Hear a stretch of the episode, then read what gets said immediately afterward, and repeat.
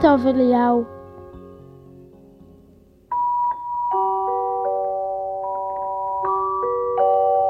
הנה אליהו, בן הארבע. לפעמים שובב הוא, לעתים אף ילד טוב, אבל הערב הוא משתולל, כי הוא עצוב ולא רוצה לישון. בחוץ כבר דולקים פנסי הרחוב, ומחוגי השעון שעל הקיר מתקרבים לתשע, ואף על פי כן אליהו מסרב לישון. אבאלה, אבאלה, ספר לי סיפור, הוא מתחנן. הנה אבא, הוא תמיד אבא טוב, כמעט טוב מדי. הערב למשל, על אף השעה המאוחרת, הוא מקריא לאליהו סיפור על סוס, סיפור ארוך ויפה. אחרי כן הוא מחבק את אליהו, מכבה את האור והולך.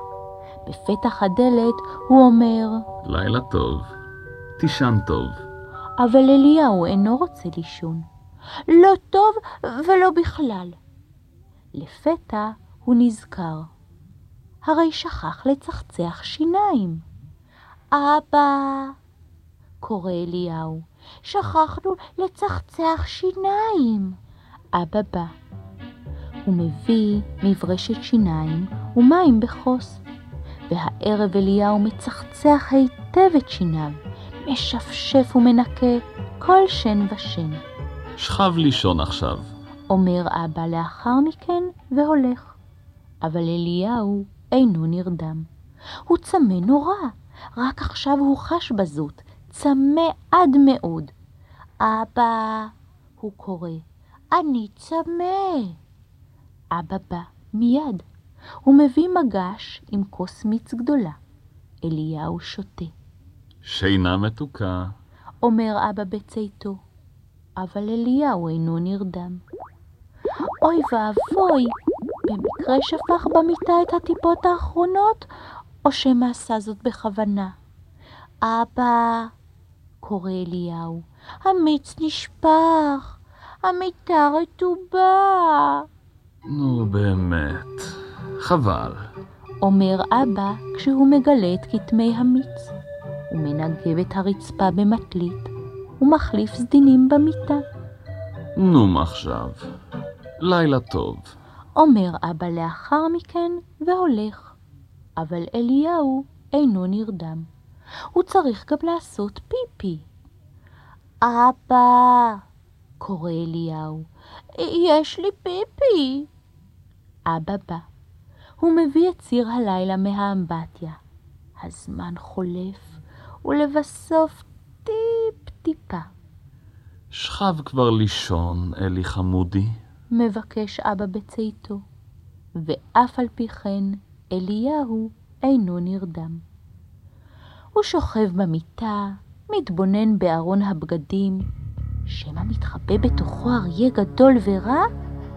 אבא, אבא בוא תראה, קורא אליהו. יש אריה גדול בארון. אבא בא, אבא בודק, אבא מוצא שאין אריה, ואז אבא אומר, בדרך כלל אין אריות בתוך ארונות.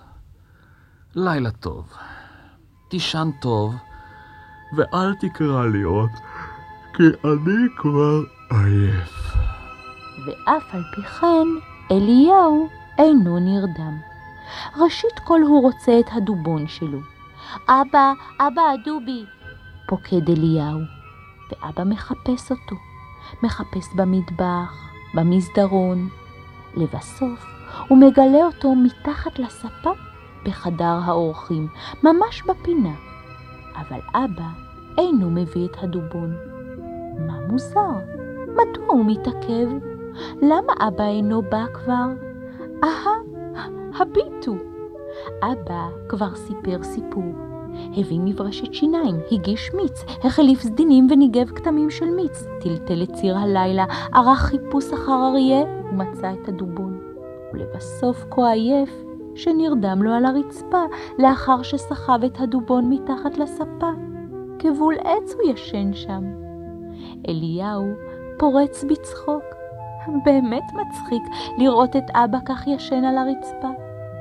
הוא מביא שמיכה ומכסה את אבא. לילה טוב, החלומות פז, אומר אליהו ונכנס לחדרו. והוא מחליט אה, להפסיק לקרוא לאבא. ממילא אי אפשר להריץ את אבא כאשר הוא ישן, והרי אין טעם לקרוא לאדם אשר לא יופיע, מהרהר אליהו. ועכשיו גם אליהו יצליח להירדם. אינכם חושבים? ששש, דברו בלחש. נראה שאכן נרדם.